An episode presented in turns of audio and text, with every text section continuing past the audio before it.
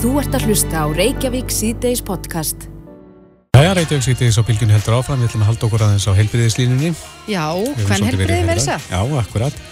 En e, það er ótt að segja það að sá hópur sem að hefur nú heyrst hvað hæst í núna upp á síðkastið er endometriósu hópurinn. Já, samtök um endometriósu vorum með málþing uh, núna á mánudaginn síðasta. Mm -hmm sem bara heitið Endo, ekki bara slæmir túrverkir og þarna komum fram já, margir sérfræðingar í, uh, á þessu sviði og við, það er nú ekki langt síðan að við töluðum við konu sem að, að ég sagði reynlega að já, endometrisa kostar okkur öll hún hefur verið örki frá hennu 2013 vegna reynlega verkja mm. út frá mhm. þessu ástandi og, og það er reynlega ekkit langt síðan að við byrjuðum að ræða um endometriósu Nei. en þannig að þetta virist verið allavega þókast í rétt átt en, mm -hmm. en já, eins og kannski kom fram í náðanvarandi fæðingar að þá er svolítið sammert með þeim sögur sem maður heyrir að, að ekki að hlustað á þær konur sem að glíma við þetta en konar sem við tölum um daginn hún sagði að, að það væri e,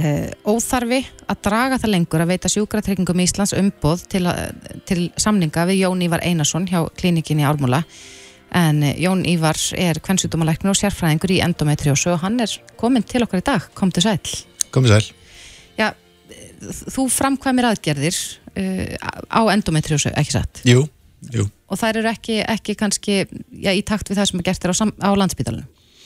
Sko, jú, þetta er í grunninn sambarilegar aðgerðir uh, en um, munurinn er kannski sá að það sem þetta það sem ég hef verið að gera þetta mjög lengi og búin að vera að gera uh, mjög mikið af svona, hvað að segja, erfiðum aðgerðum uh, þá, þá kannski mönurinn liggur í því hversu mikla reynslu maður hefur af því að gera þessar erfið aðgerðir.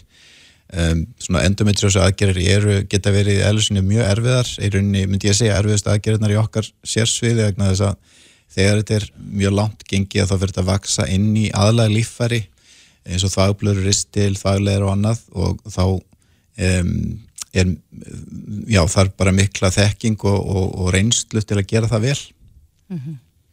En uh, getur aðeins útskýrt fyrir okkur í, í stuttumáli, sko, þessi sjúkdómur, þetta er ekkit nýtt af nálinni, erum við bara meira að tala um þetta núna?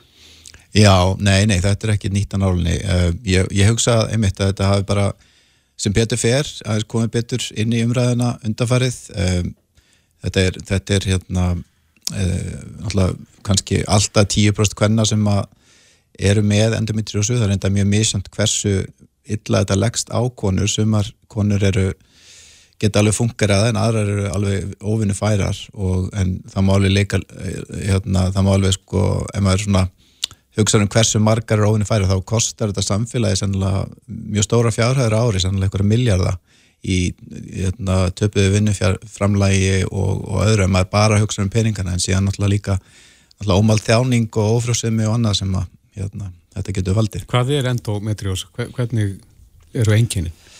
Sko það, eh, svona, þessi típisku enginni eru sagt, verkir þegar konur eru á blæðingum, verkir við samfæri, verkir þegar hafa hægðir, það er svona algeng enginni síðan er uh, líka bara almennt uh, verkir í, í grindarhóli síðan getur þetta líka farið uh, upp uh, í þynd og þá er það verki í eh, efrirlutakviðar og í hérna, upp í brjósthóli um, Er þetta sjáanlegt? Sko, það er eitt af, vanda, eitt af vandamálinu er að í byrjun, þegar, þegar þetta byrjar að þróast, að þá er ekki eiginlega mjög erfitt að sjá þetta á sónar eða segulómun mm -hmm. um, og, og, og það sem líka hefur kannski rugglaðið er að konur fá Eh, blæðingar og fá einhverja tíðaverki og, og það, veist, það er bara svona styggsmunur á því og það, þetta hefur kannski verið svolítið ignorerað bara já, já, þú ert bara með einhverja svona tíðaverki og það er ekkit, eh, ekkit aðtöðurst í það. En auðvitað er það eitthvað aðtöðurst í það ef þú ert algjörlega rúmlegjandi og óinu fær út af því það er ekki eðlilegt. Mm -hmm. En þessi, þetta málþing fór fram núna á mánudagin og þarna voru fjölmarkir sérfæðingar að ræða á samt konum sem að, að voru að segja sína reynslu sögur um, og þú varst með, með erindi þarna líka eru, eru íslensk helbriðs yfirvöld svona að vakna já, til lífsins í tengslu við endometriósi eða þurfum við að gera betur?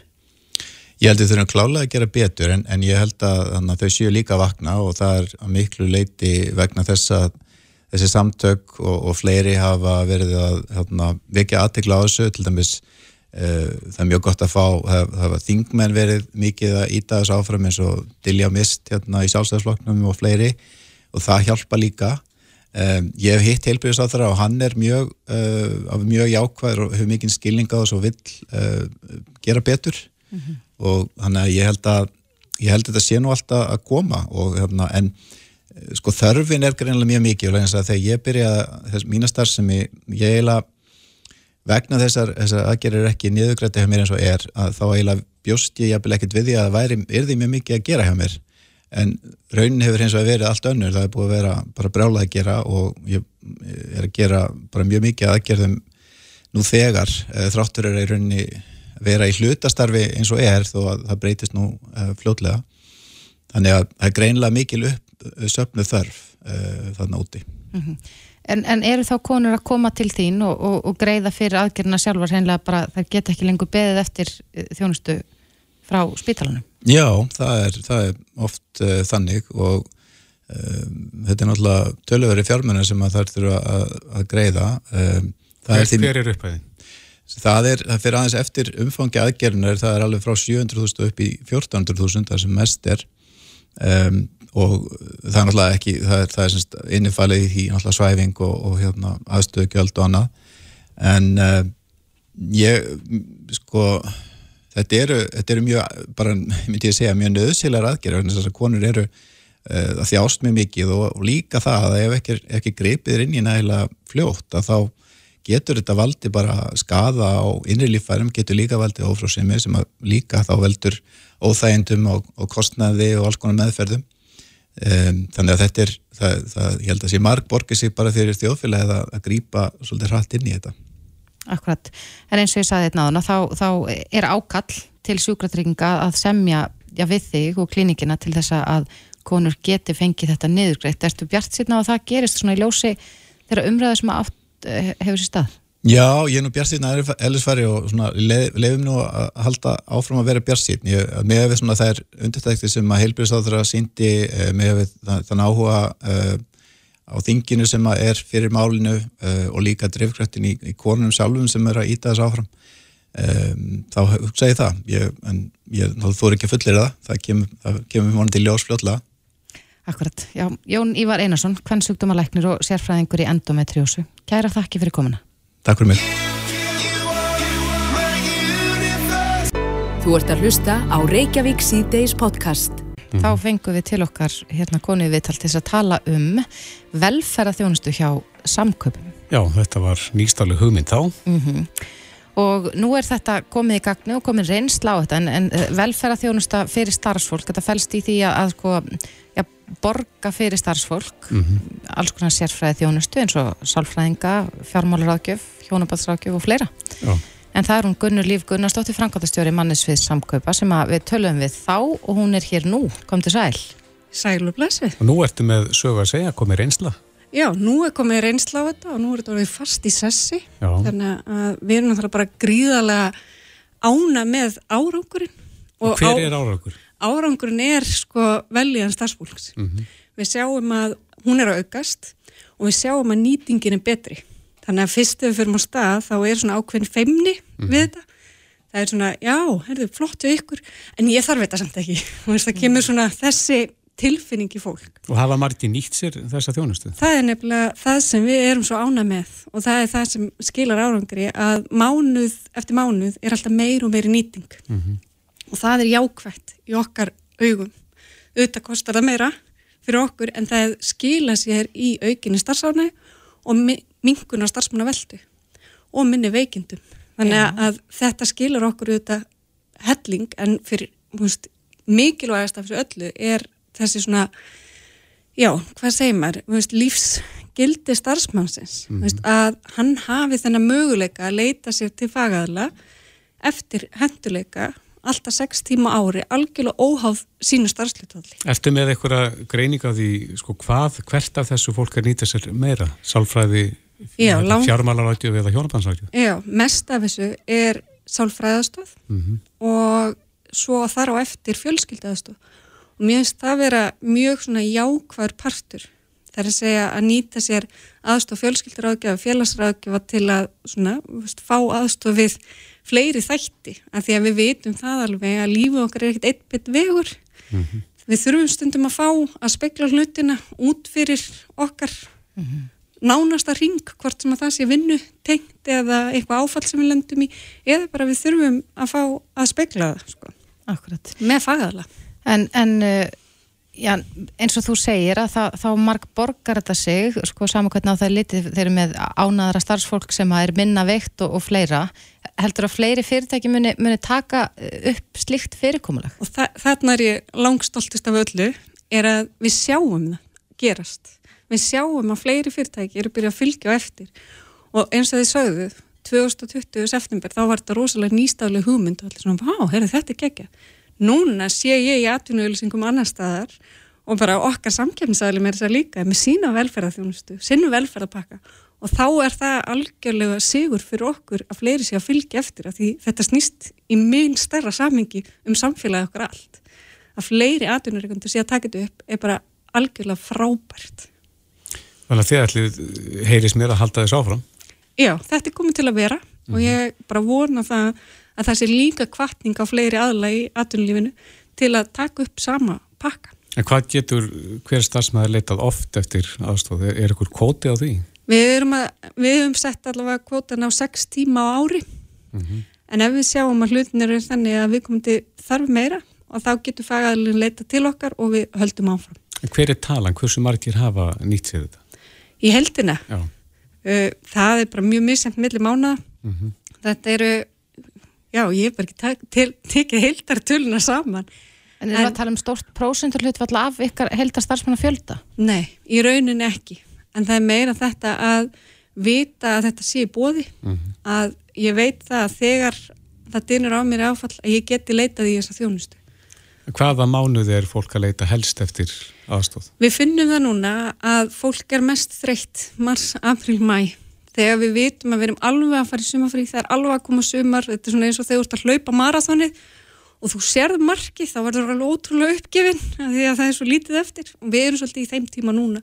Þannig við sjáum aukningun að vera á þessum tíma. Við erum búin að ganga í gegnum náttúrulega mjög erfið bara síðustu 2-3 ár í COVID, í veðri, í lægðum og öllum þessum pakka í, í bara dimmasta tímanum okkar að við eigum að vera rosalega peppu núna þegar við sjáum byrtun að koma en við finnum að það vantar eitthvað pínu og það er þessi mánuður sem skiptir svo miklu máli að við grípum það og fáum aðstóðuna.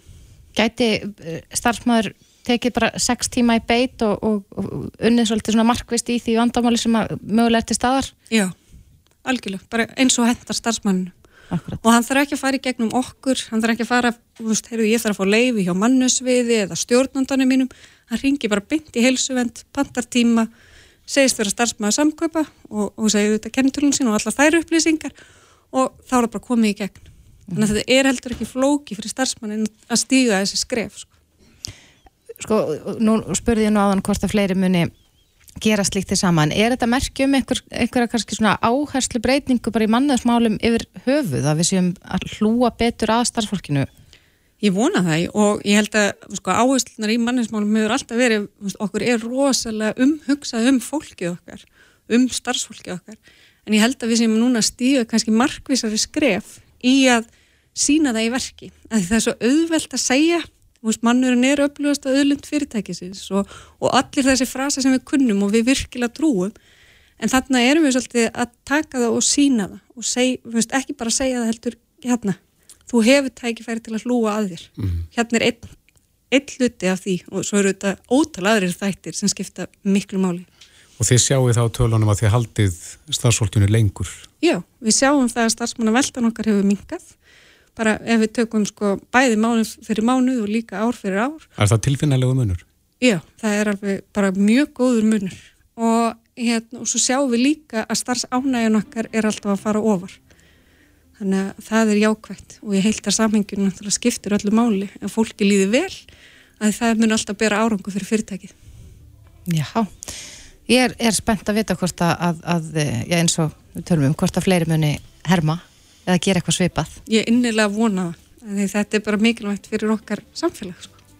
Gunnar Líf Gunnarsdóttir, frangværtastjóri manneði smála hjá samkaupum, kæra þakki fyrir þetta. En hér framöndan í, í Reykjavík sítiðis við ætlum að eh, heyra þess af eh, augn linsum í áskrift. Já, augn, þetta er ekki bara augn linsur í áskrift, þetta eru augn linsur með vítaminum Já. í.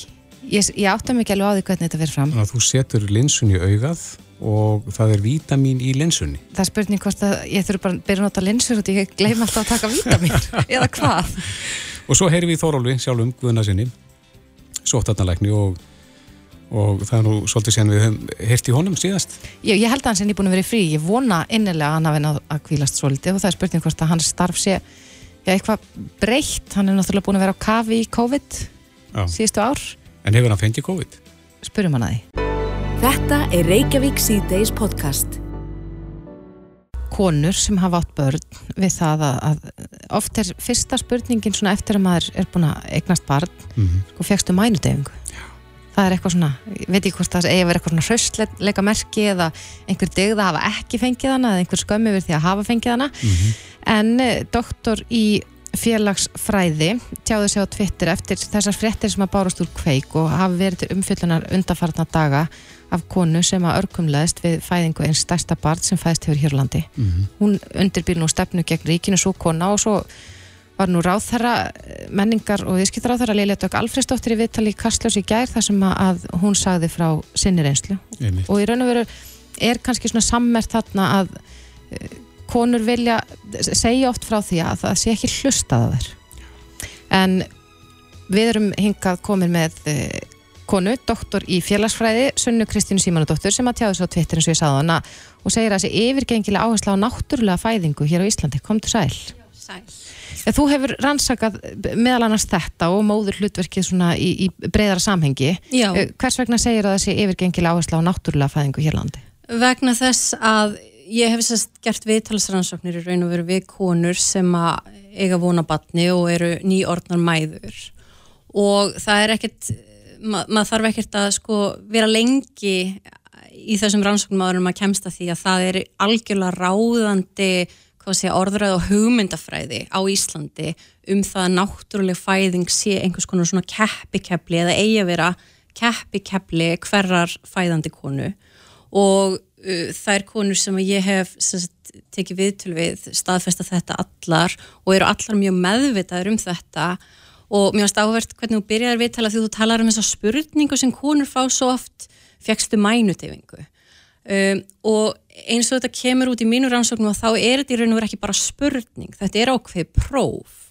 Og af því að það að fá mænudeyfingu eða ekki mænudeyfingu það er einhvern veginn munurinn á milli því hvort þú hafið eignast batnið náttúrulega eða ekki, hvort þú hafið fengið einhverja aðstóð og, og konur upplifa þetta sem ákveð próf og þetta er einhvern veginn svona hugmyndafræði sem að byrtist þeim bæði í maðuraverndinni líka upp á spítala í fæðinga þjónustinni þetta kemur líka fram í svona vinsælum hlutum eins og meðgöngujóka sem er mikið sótt af, af barsáðandi konum.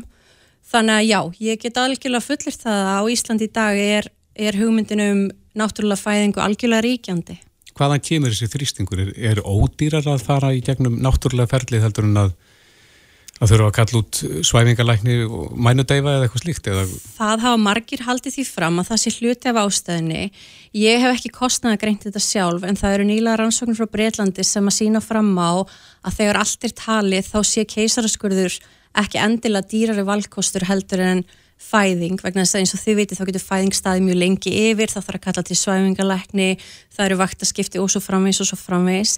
Þannig að mín tilfinning er svo að það sé ekki endilega kostnaðurinn sem sé þarna megin atriðið, heldur miklu frekar þessi hugmyndafræði sem að sprettur auðvitað úr því sem að kalla Natural Childbirth Movement sem kemur fram í bandaríkjum í kringum 1960 og svona tegir síðan sína ánga inn í ljósmóðurfræðina, inn í svona e, hugmyndafræðina í raun og veru um hvernig fæðingar eigi að vera. Þannig að þetta eru svona átök á milli ólíkra nálgana, náttúrulegar fæðingar og þess sem hefur stundum verið kallað svona sjúkdómsvætt fæðing eða svona, þið veitir það sem eins og við sjáum kannski í bandaríkana, það sem er mikið, mikið um keisaraskurði, það sem fæðingar læknar taka móti börnunum en ekki ljósmöður og svo framvegis. Þannig að þetta eru átök um svona já, hver fyrir að skilgrina hvað er eftirsóknarverð fæðing og góð fæðing?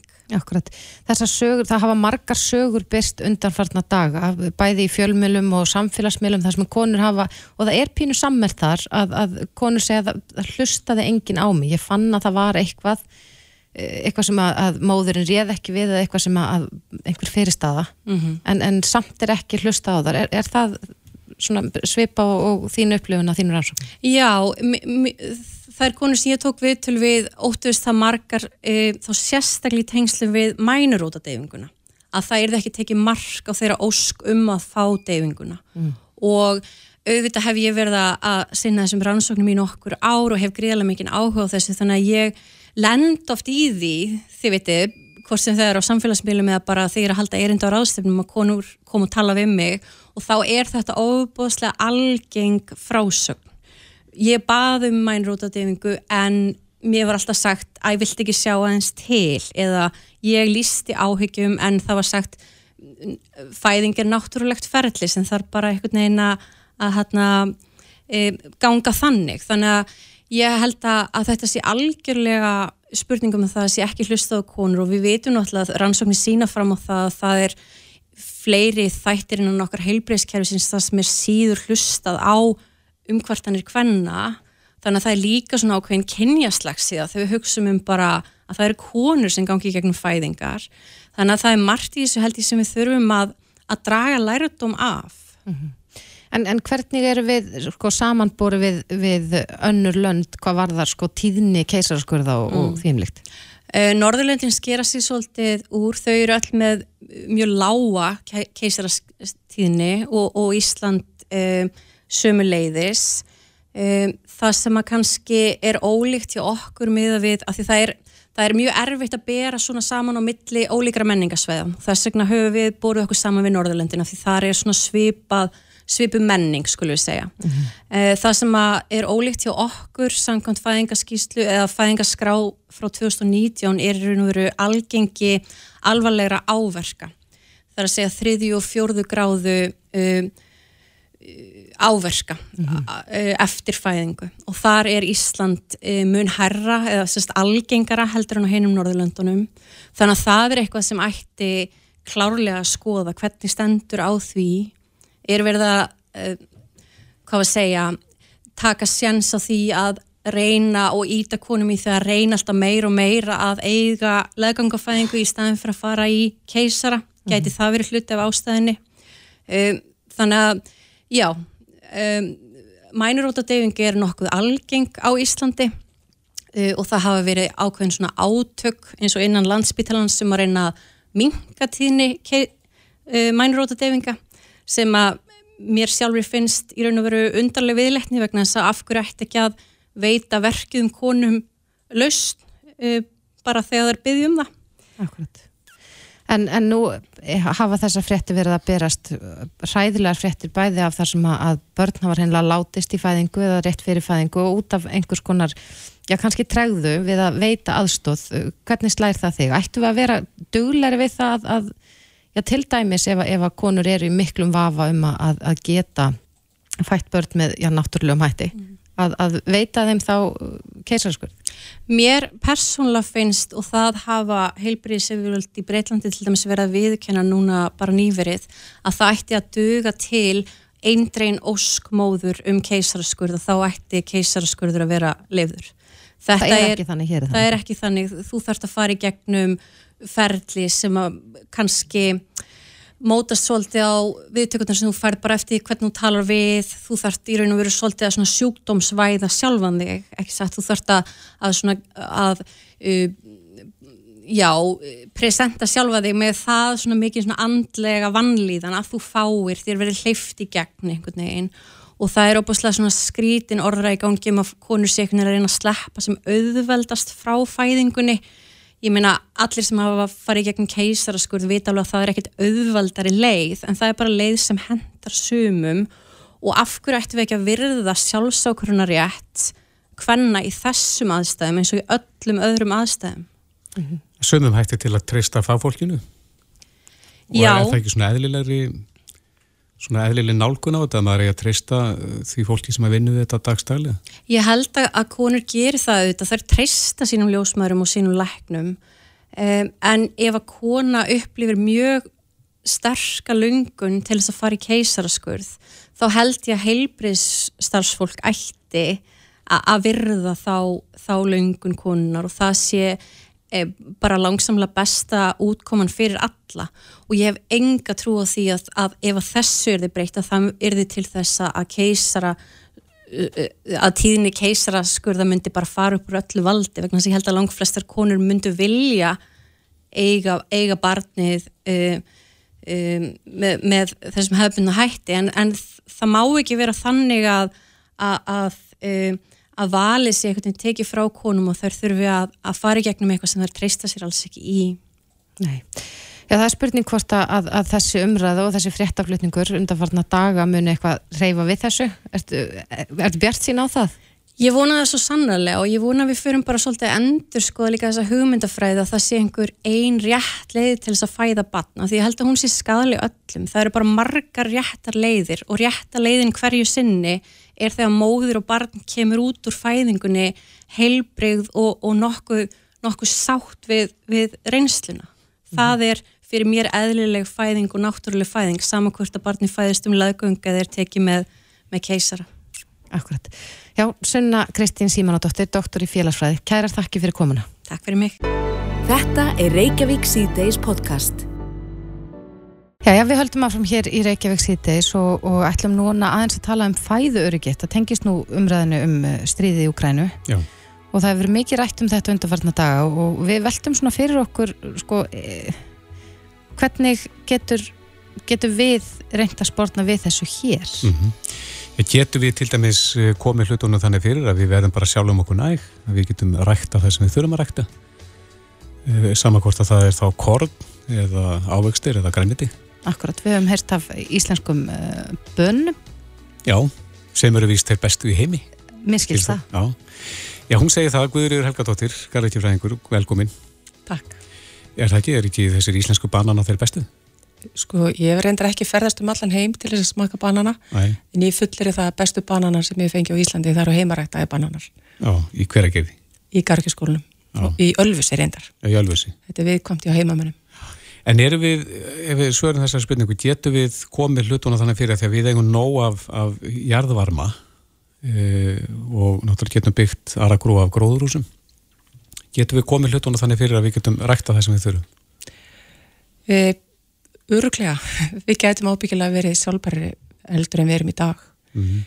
og, en það náttúrulega þarf ímislegt að koma til og ef við horfum bara á landnýtingu í landinu að þá náttúrulega erum við að nota land í alls konar og það er ekki þannig stefna hjá okkur á Íslandi að við séum búin að forgangsraða til hvaða nota að nota landbúnaðalandið mm -hmm. og þetta vil lengi verið í umræðinni hvort að við um að setja ykkur að stefnu þannig að það sé ákveði land sem er bara skilgreint til landbúnaðaframlegslu og ekki til annar að nota. Hver myndi ákveða það eða skilgrinna það? Væntalega stjórnveldi í samráði við bara viðkomandi sveitafélag sem eru með skipilagsvaldi. Mm -hmm. En það þarf náttúrulega að vera það eitthvað svona heilstæð stefna en um það í hvað ætlum við að nota landið. Og þegar við horfum með mitt á svona fæður ekki okkar þá er þetta annars vegar fóðurframlegsla því að við þurfum, erum ju að framlega kjöt í landinu og e, við þurfum á kjartfóður að halda fyrir hérna marga tegundir sem að, eða einhverja tegund sem við erum að framlega.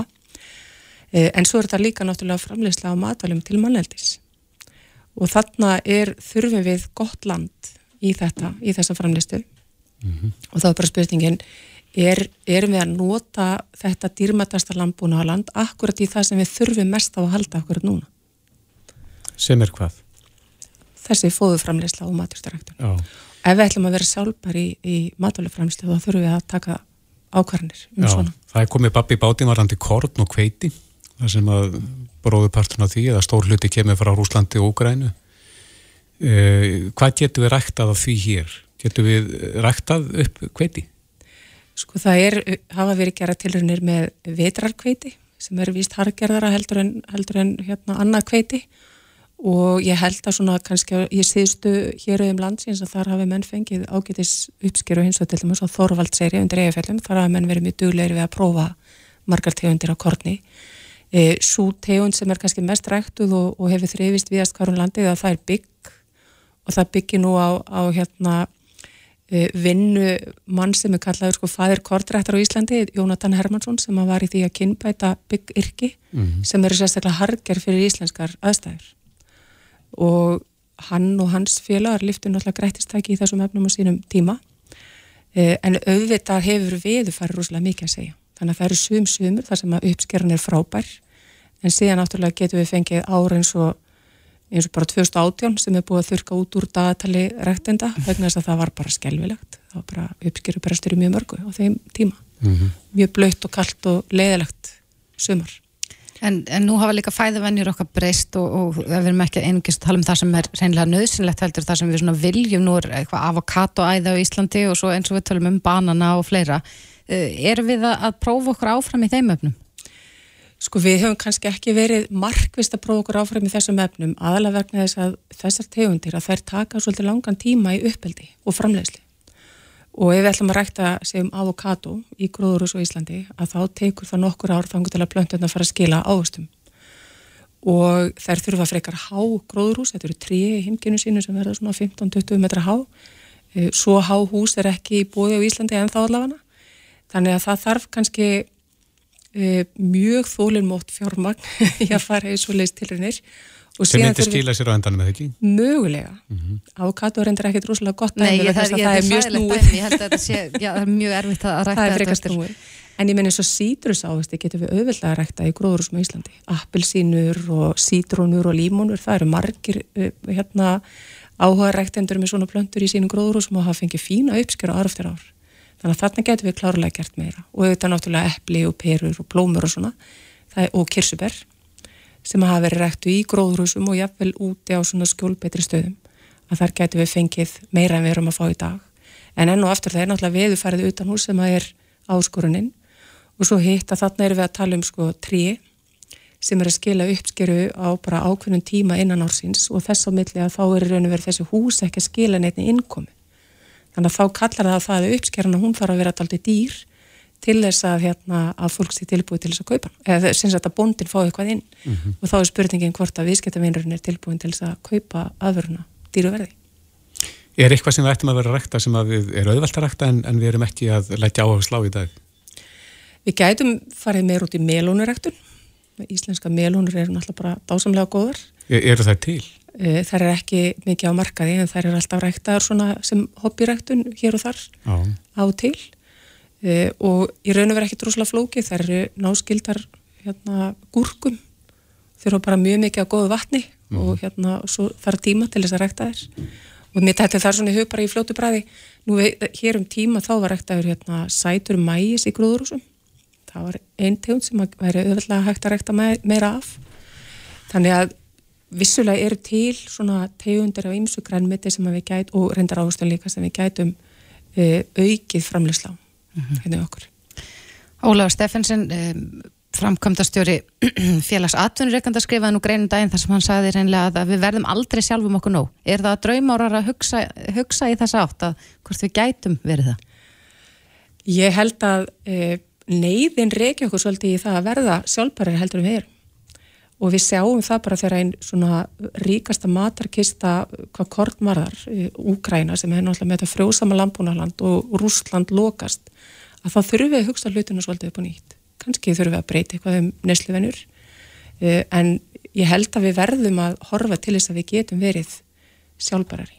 Og þá þurfum við að nýta landu okkar í landbúnaða framleysluna og við sjáum til dæmis í, við erum í góða ári erum við sjálfbær með kartöflur og lengi vel drófum við nú fram lífið á kartöflunar svona svo írar. Mm -hmm. e, við getum rækta allar rófur sem við þurfum og rófur er náttúrulega bara sko herramanns matur og ætti að vera á borðum okkur okkur um einsta degi. Gullrætur, við erum frábæri að rækta gullrætur og við ættum ekki að þurfa að flytja inn eina einustu gullrót allt kál, bara sjáu því þið veitir grænkál, kvítkál, rauðkál og allar þessar káltegundir. Þetta eru hargerðar tegundir hérna og eru ræktaður utan hús á Íslandi. mm -hmm. Þannig að við gætum auki þessa framleyslu og við hefum séðan núna síðust árum þegar ketomataræði var, var hérna, bara var svona sprengingi því að þá allt í hennu selst hvert einasta blómkál og hvert einasta brokkoli sem er ræktað í landinu. Og við getum alveg rækta meira þessu. En þá þarf við raun og veru að vera aðgengilegt land. Og síðan alltaf má ekki glemja því við þurfum fólk sem kann til verka við að rækta þessar tegundir. Mm. og það skiptur svo miklu máli að við nýtum okkur þá þekkingu í þessum tilgangi. Erum við að rækta nægilega mikið magna af garðurski fræðingum? Við þurfum að gera betur því og það er svona námiðri ákveðinu uppnámi þessa dagana og vonandi bara fær það farsalan endi en hérna það er eftirspurðin eftir fólki með þessa mentun og e, við hefum séð það kannski ef við tala um þessu námið að, að hérna, það hamlar svolítið fyrr hjá í gardirkjunni að ungd fólk sem að vinnur í úlingavinnunni er að reyta arfa í rigningu, sólarhengunum saman yfir sumatíman, að það velur ekki endilega að fara í þetta fag. Það heldur að gardirkja sé þetta að reyta arfa í rigningu. Þannig að við fáum eldri nefnendur, fólk sem hefur verið að vinna í fæinu og einhvern veginn er, fær svona þessa sín að það vil endilega fara verið í græn fæi. Þannig að hérna, að ég hveit fólk eindrið til þess að leggja þetta fyrir sig því okkur vantar alltaf gott fólk í garrikina. Akkurat. Já, það er spurning hvort að neyðin muni kenna nættri konar spinna hvað þetta var þar en Guðrjur Helgadóttir, gardirkifræðingur þakka kærlega fyrir komuna. Takk. Reykjavík síðdeis á Bilginni podcast.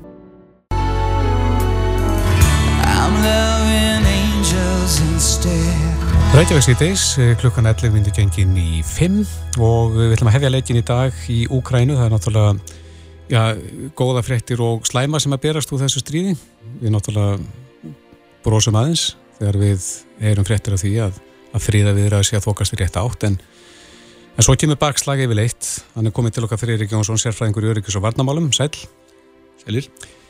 Já, svona með við það sem að þú hefur síðið í dag er, er við að þokast í rétt átt í, í þessu ögnabliki eins og ég er ég er reglulega satt við um alltaf að halda í vonuna en, en hérna ég er samt sko ég er mjög tortrykkin svo ég viðkynni það bara. Ég er, ég er hrættur um að þetta sé hérna að hálfur rúsa sé þetta e, meira en einhvers konar e, svona rík í augu. Mm -hmm. og að raunveruleg meininga bak við þetta sé takmarkuð Já, það með þess að kaupa sér tíma.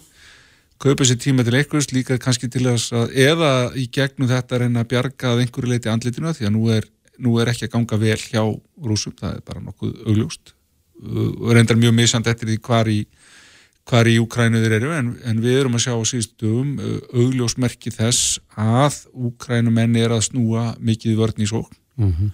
uh, taka aftur landsvæði uh, Uh, rússar hafa beinlinni sagt sjálfur að nú allir þeirra einbeta sér fyrir ekkar að austurvíkstöðunum og ekki að kýf og draga sér tilbaka þar en enga síður, síðan halda þeir áfram uh, sprengju árásum og, og svona væðarlausum sprengju árásum á borgarleg svæði og mm. borgarleg skotmörk.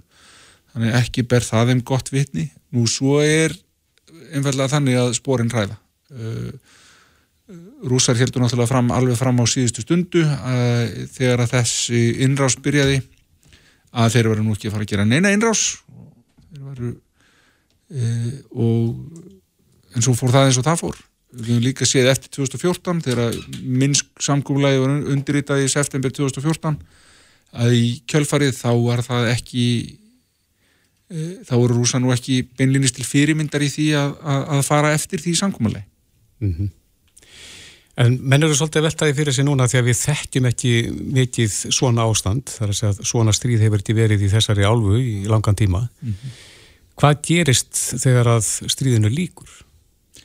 Þegar að þið líkur, ef þið líkur með einhvers konar vopnallíja eða, eða friðarsamningum, að þá er þá má gera ráð fyrir því að, að einhverju leiti verði byrjað að, að minnst okkur sækja það að vinda ofan af einhverjum þeim ákvörunum sem hafa verið teknar í tengslum við, þetta, uh, við þessi átök. Uh, það mun verða gífileg pressa frá ymsum aðlum til dæmis að verði farið strax að létta af einhverju varandi efnaðsækjarir. Ég held að það muni gerast uh, seint og hægt í fáum og, og smáum skrefum. Við þurfum náttúrulega að sjá hvort að samkómulegi sem raunverulegt. Uh, hvort það sé verið að fara eftir því. Við þurfum líka að sjá að heyra sérstaklega frá Úkrænum hvað þeir vilja sé gert.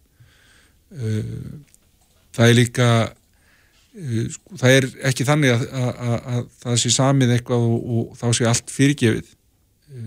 Þannig að ég held að að verði í hægum skrefum. Við sáum það eftir 2014 voru 2014 eftir yfirtökunum Krimskaga og, og aðgerðnar í í Donbass, uh, Donbass að uh, þá voru settar á ímsar viðskiptahindranir, ekki eins magnaðar og núna en enga síður og þær livðu áfram þrátt fyrir minnsk samkómulag og svo framvegis að því að náttúrulega hernámið stóð ennþá yfir og stendur ennþá yfir. E, þannig að, að hérna en, en það ver, mun verða þrýstingur á einhverjar veikingar, stundum verða þær líka bara af, af því að þær eru búin að vera lengi og það verður auðveldra að fara í kringuður og sömur eru ófyrirleitnar en aðrir í því að reyna að fara í kringum slíkar hindranir og ég held að pólitísk einangrun rúsa, hún mun vara uh, líka tölvöld lengi eftir þetta mm -hmm. það verður ekki auðvelt að komast tilbaka frá þessu aftur. Nei, en það eru eflaust ákveðna sviðsmyndir loftið við erum annars verið með að það er hægt að skrifa undir eitthvað skonar, ég samkúmulega, fríðar samkúmulega og að rúsa hér drægi sér hennilega úr Úkrænu, en, en, en, en ef það er þið vopna hlið, hvenar til dæmis, ég hef veltið mikið fyrir mér varðandi sko uppbyggingu í Úkrænu Ég held að, ég held að uppbygging, uh, sko aðstóðu uppbyggingu hefst strax á þeim svæðinu það sem það er hægt um bara leiðum en geta. Leða fólk getur farið í einhver uppbyggingu þá mun það byrja og það verður stuðning til þess. Uh, munur á vopnarlí og, friðarsamningum, það er, er,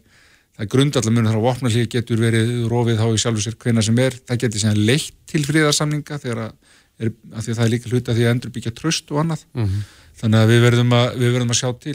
Eitt af því sem gæti einmitt verið aðtilvægt að sjá varðandi í hérna pólitísku einangur úr Úslands til dæmis hvað gerist á norðurslóðum. Það var mjög ómunlegt að í norðursköldsráði e, eða sjö af átta ríkjum, sjö ríkin sem ekki er Úsland skulle hafa ákveðið að draga úr því samstarfi.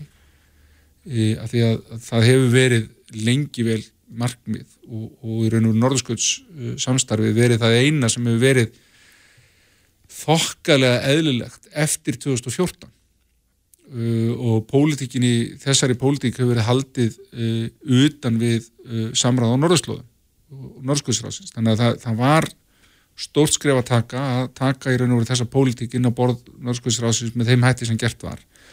Það var kannski mögulega fyrsta skrefi tilbaka að, að, að, endur lífga eða færa það samstarf aftur að í, í eðlilegri farveg en það snýst að mikið náttúrulega um vísinda samstarf og, og þess áttar e, er ekki alltsjóða öryggispolítisk samstarf. Það getur verið fyrsta skrefið og aftur þú verið hluti af því að, að, að vinna af einhvers konar sletti normaliseringu að færa í áttað eðlilegra horfi. Mm -hmm. mögulega. En uh, við verðum að býða og sjá uh, áfram. Uh, og og þess að sé með þess en það verður óneitilega mun verða mikil þrýstingur úr ímsum áttum. Um leið og þú ert komið vopnalíða friðarsamlinga að það verði farið að leta á einhverjum af þessum hörðustu viðskiptaðgjörðum. Er eitthvað sem að heitir stríðskadabætur? Nú er búið að leggja þarna eins og Marjupól í, í rúst. Já, það geti verið þáttur í þessum samningum að Ukrænumenn eðlilega gerir kröfum um endurupningu en þá líka hvar verður Marjupól í þessum samningum? verður það hluti að vopna hlýði fríðarsamlingum að, að Rústland heldur hernumdum svæðum. Er það sem sagt einn möguleik í þessu? Já, við veitum það ekki. Vitum, það, get, það getur verið í vopna hlýði samlingum verðið eitthvað slikt. Rúsar gera kröfum það að halda krimskaða. Eru augljóslega núna bæðið með vopnavaldi og við samlingaborði líka gera kröfur til þess að, að ná yfir áðum yfir að miskostir hluta Donbass ætlaði sér að halda núna þegar þeir eru komni nokkund veginn með yfiráði yfir landleiðinni frá Krím og að Rúslandi með strönd Asóhafs, ætlaði sér að halda þessum landvinningum sem enn og aftur gerir það mjög erfitt og, og ég sé verið mittliti, ég, ég sé ekki mjög vel hvernig hérna hvernig úkrænumenn munum ganga þessum skilmálum. Að uh, sko úkrænumenn er engir aukvísar til dæmis þegar þeir koma fram og segja já þeir hafi komið með planum 15 ára í raun og veru svona viðræði áallun varðandi stöðu Dombas og Krímskaga. Sem þetta bara setja það fram í framtíðina fram til ásins 2037 að leysa spurningum um þetta, sem þetta ekki gefa það eftir en við tökum næstu 15 árin í að ræða stöðuna.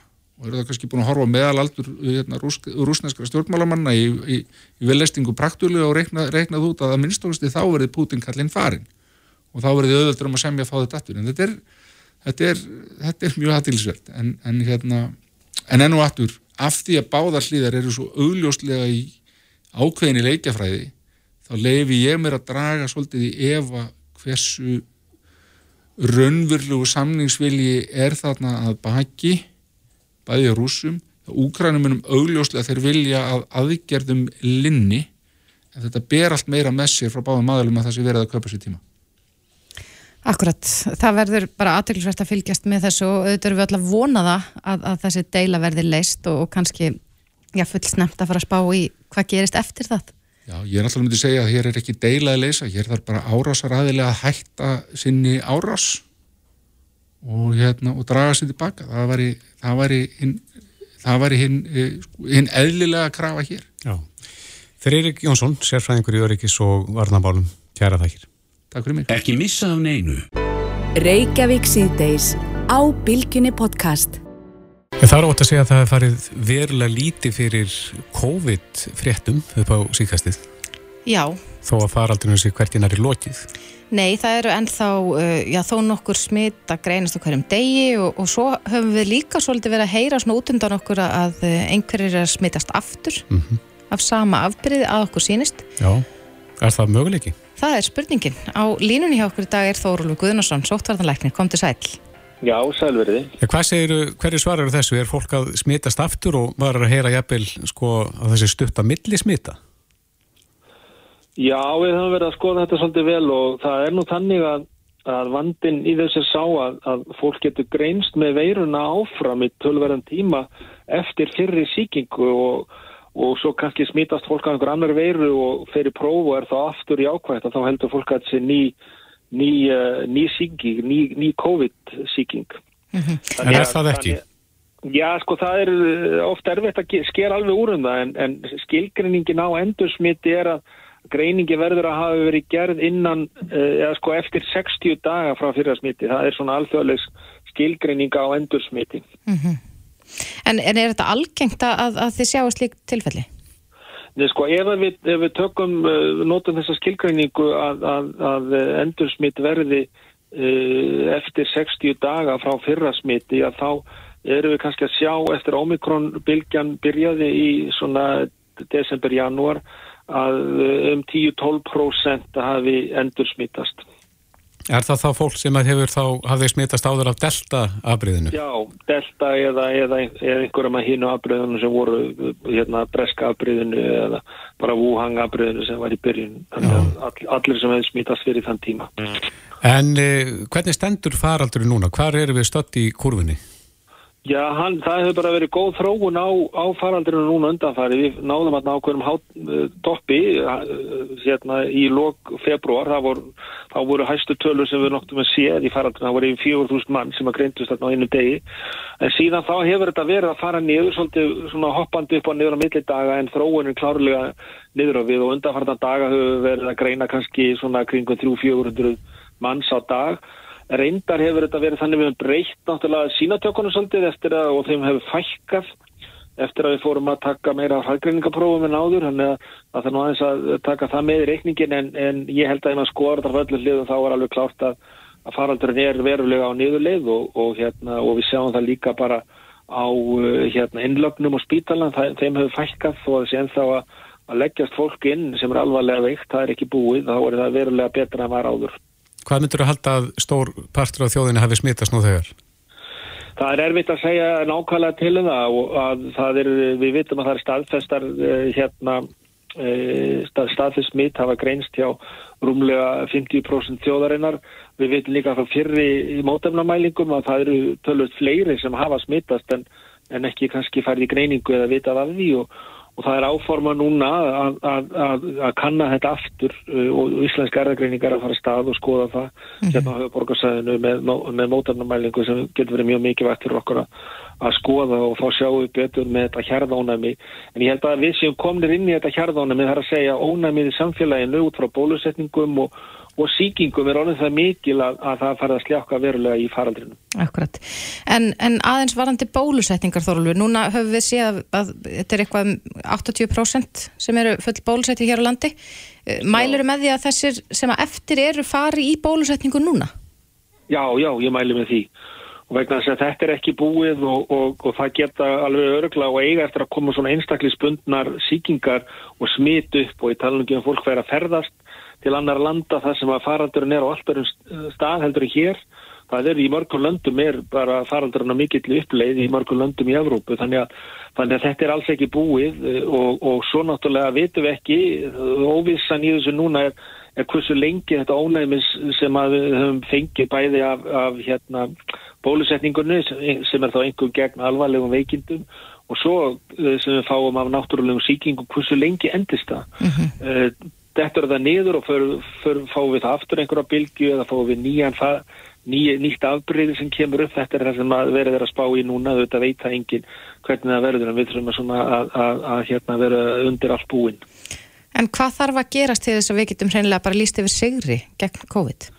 Já, það verður ekki gert fyrir þetta verður eiginlega, sko, við erum búin að fá meiri reynslu og, og við fárum að sjá þetta virkilega þetta niður bara allstaðar í heiminum þá þá getur við farið svona að rósa sigri en auðvitað getur við líka að rósa sigri hér á Íslandi, þetta gengið bara núna alveg ótrúlega vel. Uh, og, er, og því er að þakka bara þessum útbreytu bólusetningu sem hafa komið veg fyrir alvarleg veikindi.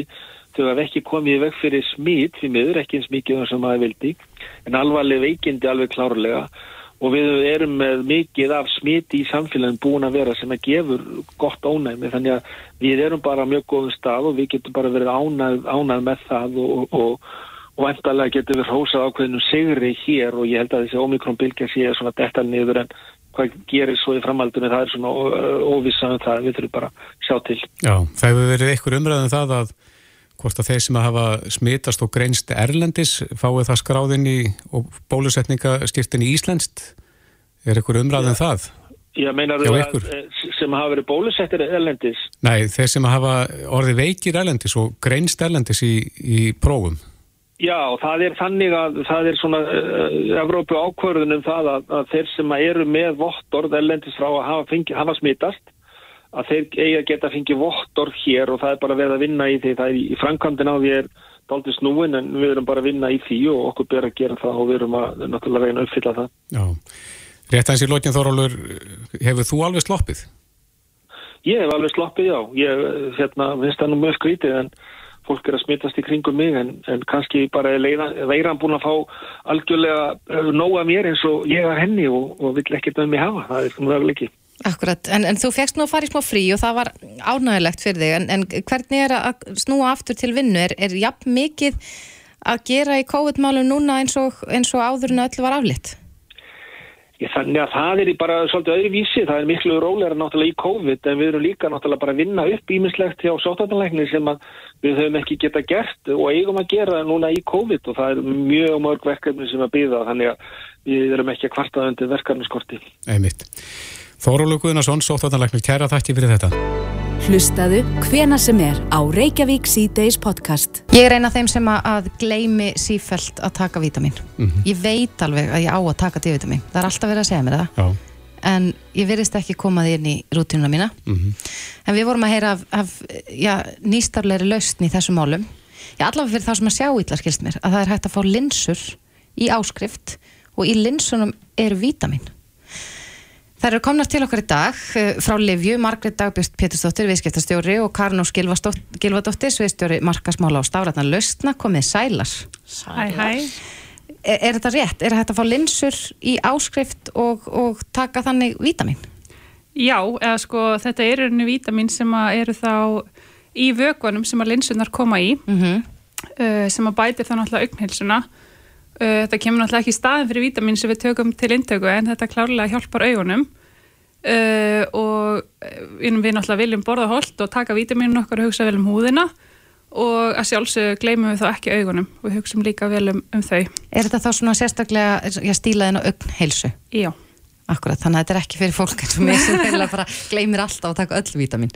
Uh, nei, því að það náttúrulega hérna, er alls ekki allir sem að þurfa að nota linsur Uh, en þeir sem þurfa að nota linsur uh, vita það bara að þær þurfa hérna, að uppfylla ákveðnar gæða kröfur sem þessar gera svo sannarlega uh, þær innihalda líka náttúrulega vítamin sem sagt bæði B-vitamin og E-vitamin -huh. Mhm. og svo innihalda líka hyaluronsýru og eru sagt með vörn gegn skadlegum geyslum sólar sagt bæði ÖFA og ÖFB En hvernig er upptakan í gegnum augum? Þetta er viðkvæmt svæði? Já, uh, það er náttúrulega bara sagt, uh, vítaminin sjálf eru í vökvanum sem að linsunar koma í uh, og hérna og ná þannig í rauninni til augnana og eru svona að vernda augun eins með hérna formið á linsunum, þær eru einstaklega þunnar og annar þannig að súrefnisflæði að augunum uh, er í rauninni eikst eða svo leiðist, það er mjög gott súrefnisflæði að augunum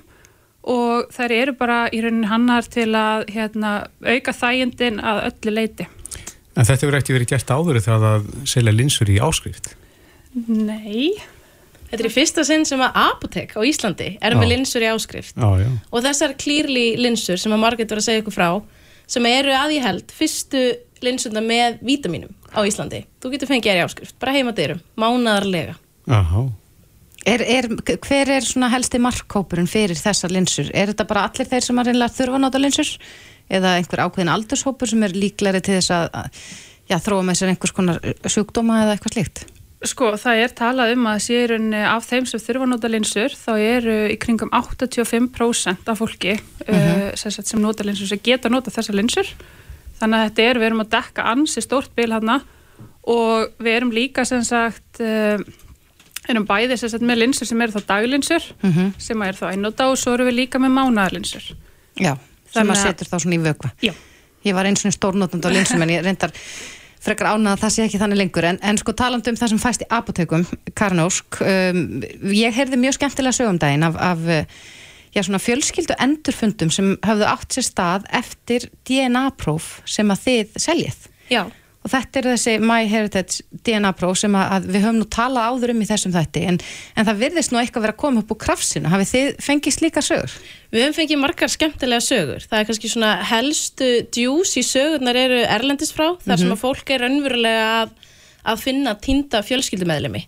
Og þegar fólk er, hefur verið ættleitt eða slíkt, þá gefur þetta óbúslega miklar upplýsingar sem þú annars getur ekki nálgast.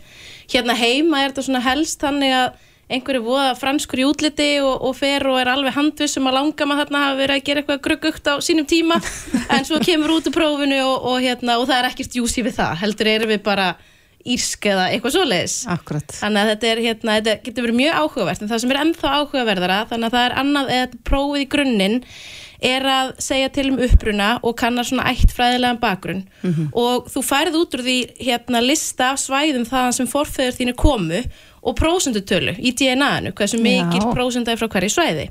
Svo er hinn hlutin af þessu sem er svona heilsu, það kallast DNA and health og þá er svona í rauninni metin áhætta þess að þú þróir með þér ákveðin heilsufars vandamáli eða sjúkdóma og þá er skannað fyrir svona áhættu mati fyrir hjartasjúkdómum, brjóstakrabbaminni, Alzheimer og 16 öðrum sjúkdómum.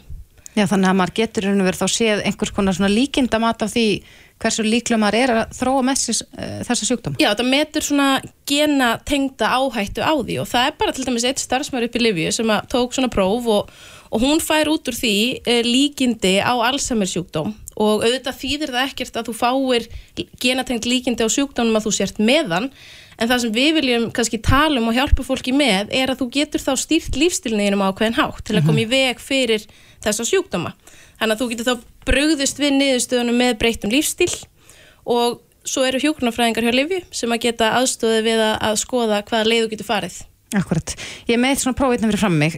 Hvernig virkar þetta? Ég, ég tek einhvers konar hérna síni úr kinnin eða ekki? Sko það er náttúrulega allir kunna að taka sjálfspróf í dag. Já, Það ég er mjög, mjög góð í sjálfsprófum hérna alveg lengst upp í heila. Já, en- þetta er miklu þægilega en það. Þetta er Akkurat. ósvo einfalt. Þetta er sér strók úr kinn. Já. Þannig að það tekur bara innan við tvær mjöndur og stróki setur þú í umslag sem þú sendir erlendis Mhm. og þú fer niðurstöðuna einar á örugt svæði hjá MyHeritage innan fjögra vikna.